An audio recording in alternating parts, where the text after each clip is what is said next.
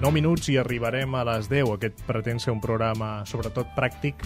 Què li diria l'Àlex Rovira? Quina carta improvisada li enviaria a un oient que estigui a l'atur ara mateix? Doncs que està aturat no vol dir, com deia en Francesc, que està desocupat que, com deia molt bé en Pedro Meyer, hi ha, moltes hi ha, hi ha diferents opcions. La primera és dir, bueno, si no trobo feina, puc ser voluntari, puc cooperar amb alguna ONG i aprendre un, un, un ofici, una habilitat, establir una xarxa de contactes, puc fer moltes coses per anar sembrant. No, no sempre han d'anar a buscar feina a les oficines de l'INEM. Una manera de buscar feina és col·laborar amb diferents causes necessàries, conèixer gent interessant i anar tirant del fil pots arribar a trobar feina. Segona opció, mirar de ser.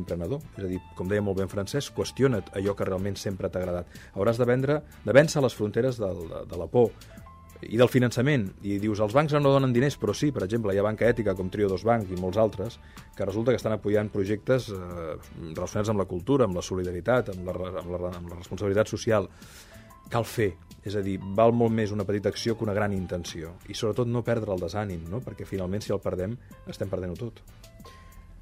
Àlex, crisi és vida. Primer, crisi és vida. Si Aquest... no vius situacions crítiques, és que ets mort. Correcte. Per tant, celebrem que les podem viure i seguim remant, no? Dos, relativitza. Perquè, el que jo, eh, perquè hi ha coses que de vegades a la vida ens semblen una gran benedicció i després són un mal de cap tremendo i a l'inrevés, coses que ens semblen un revés brutal, a la llarga són la més gran de les sorts que ens, ha pensat, que ens han passat a la vida. No sabem, cal trobar el sentit a llarg termini. A curt termini és, és perillós quedar-nos amb lectures. Tu també recomanes parlar amb els qui han patit de debò. Parlar amb els qui han patit de debò per relativitzar, perquè te n'adones que de vegades t'ofegues en un got d'aigua i que hi ha gent que està sense feina, amb una discapacitat, amb grans, sense diners, i que no es queixen, i que més penquen, i que més ajuden. O sigui, que una miqueta d'humilitat. 3. Lliure't al canvi i transforma't. És diferent el canvi de la transformació. El canvi ve de fora cap endins i per tant no és estable. La transformació la crees tu en la teva ànima i per tant pots canviar.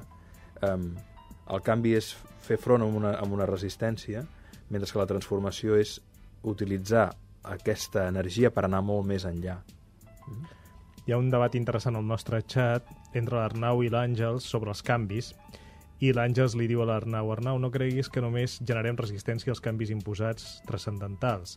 La generem a qualsevol canvi, per petit que sigui. Quan va canviar l'aparença del Facebook, van sortir mil un grups que deien que no volien aquell Facebook, que tornessin a posar l'anterior quan només estàvem parlant d'estètica, no de continguts. Mm -hmm, per això. Jo penso que el tema acceptació és bàsic, o sigui, pensa acceptar un, un canvi per poder fer alguna cosa després, però en principi s'ha de començar a acceptar que hi ha canvis i que realment és lo normal. Mm. Ara que hi penso, vostè i jo som amics al Facebook, Isabel. Som amics, eh, Mira sí. que bé. No?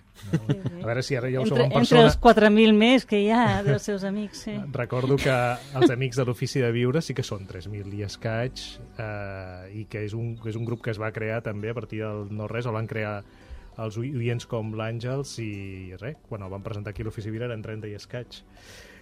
Àlex, després de lliure't al canvi i transforma't, dius progressa amb la crisi, qüestiona i qüestiona't pel bé comú. És el que dèiem abans, de desenvolupar la capacitat de crítica i criteri, no? de no conformar-se amb la resignació i amb la por. Cal lluitar, cal lliurar-se, cal cooperar, cal créixer i cal expandir la consciència d'un jo cap a un nosaltres. Això és molt important.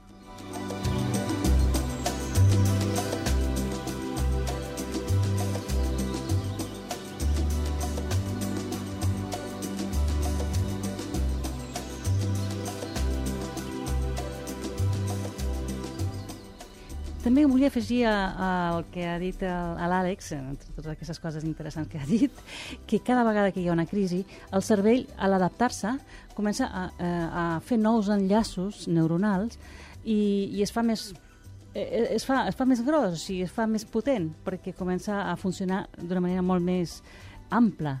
Cada crisi conforma noves nous enllaços neuronals, i això és bo. En això és creixement. l'Àlex diu, crea i Exacte. pensa de manera diferent, Exacte. aprofita l'escenari per reinventar hàbits i Exacte, patrons de conducta. És el que deia la Isabel, és a dir, trenca amb la rutina, trenca amb la inèrcia, dona-li la volta al món, sigues un rebel constructiu.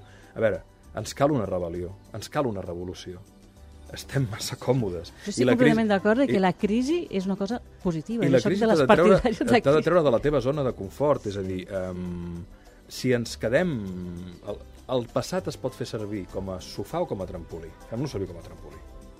Si vols superar la crisi, supera't a tu mateix en tot moment. Evidentment, és a dir, mira en cada moment, des de l'atenció plena, instant a instant, de treure el millor de tu. encara que estiguis cansat, cabrejat o amb mala llet, encara que tinguis febre, què pots fer per fer un pas més endavant?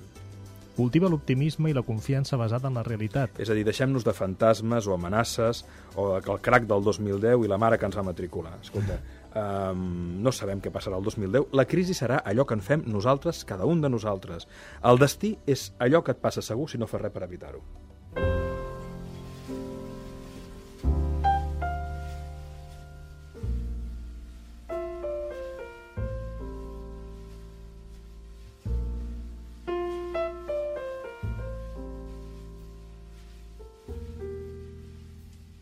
Coopera i sigues íntegre. Clar, sense, sense, sense integritat no pot haver-hi confiança, sense confiança no pot haver-hi compromís, sense compromís no pot haver-hi qualitat.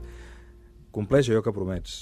Predica amb l'exemple. Només així seràs confiable i només des de la confiança podràs crear xarxes de potència entre les persones. La bondat és la veritable font de prosperitat i plenitud. La màfia, els paradisos fiscals, els psicòpates que es dediquen a explotar la gent, generen un benefici a curt termini però no és global, no és sistèmic, estan depredant i s'ho carreguen tot. Um, el benefici veritable, o al contrari d'aquest benefici, és el malefici.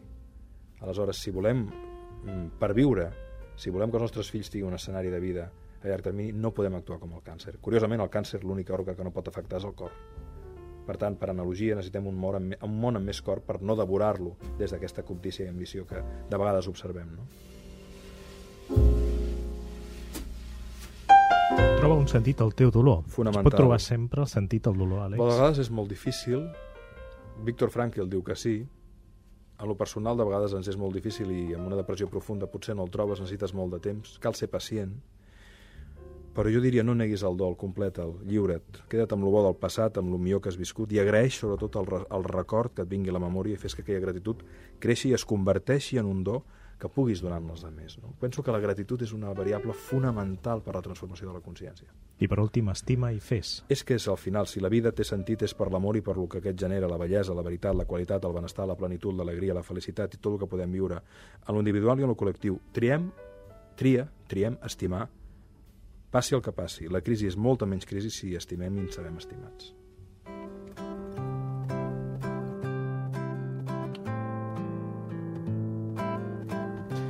La bona crisi, presentada per Àlex Rovira en aquest ofici de I també viure recordeu la, el llibre Bona crisi d'en Jordi Pigem, que, que també vindrà a parlar-ne. si Déu vol. Doncs, en fi, moltíssimes gràcies davant les teves paraules. Poca cosa hi podem afegir, no? Isabel i Francesc, només escoltar i prendre nota. Admirats eh, per les idees. i- Només ara Moltes no faltarien gràcies. els aplaudiments, però ja hi són mentalment. Moltíssimes gràcies, Àlex. Un Fins plaer, gràcies, divendres. Isabel, gràcies, Francesc. Gràcies, Isabel Larraburo, Francesc Miralles, i gràcies als oients.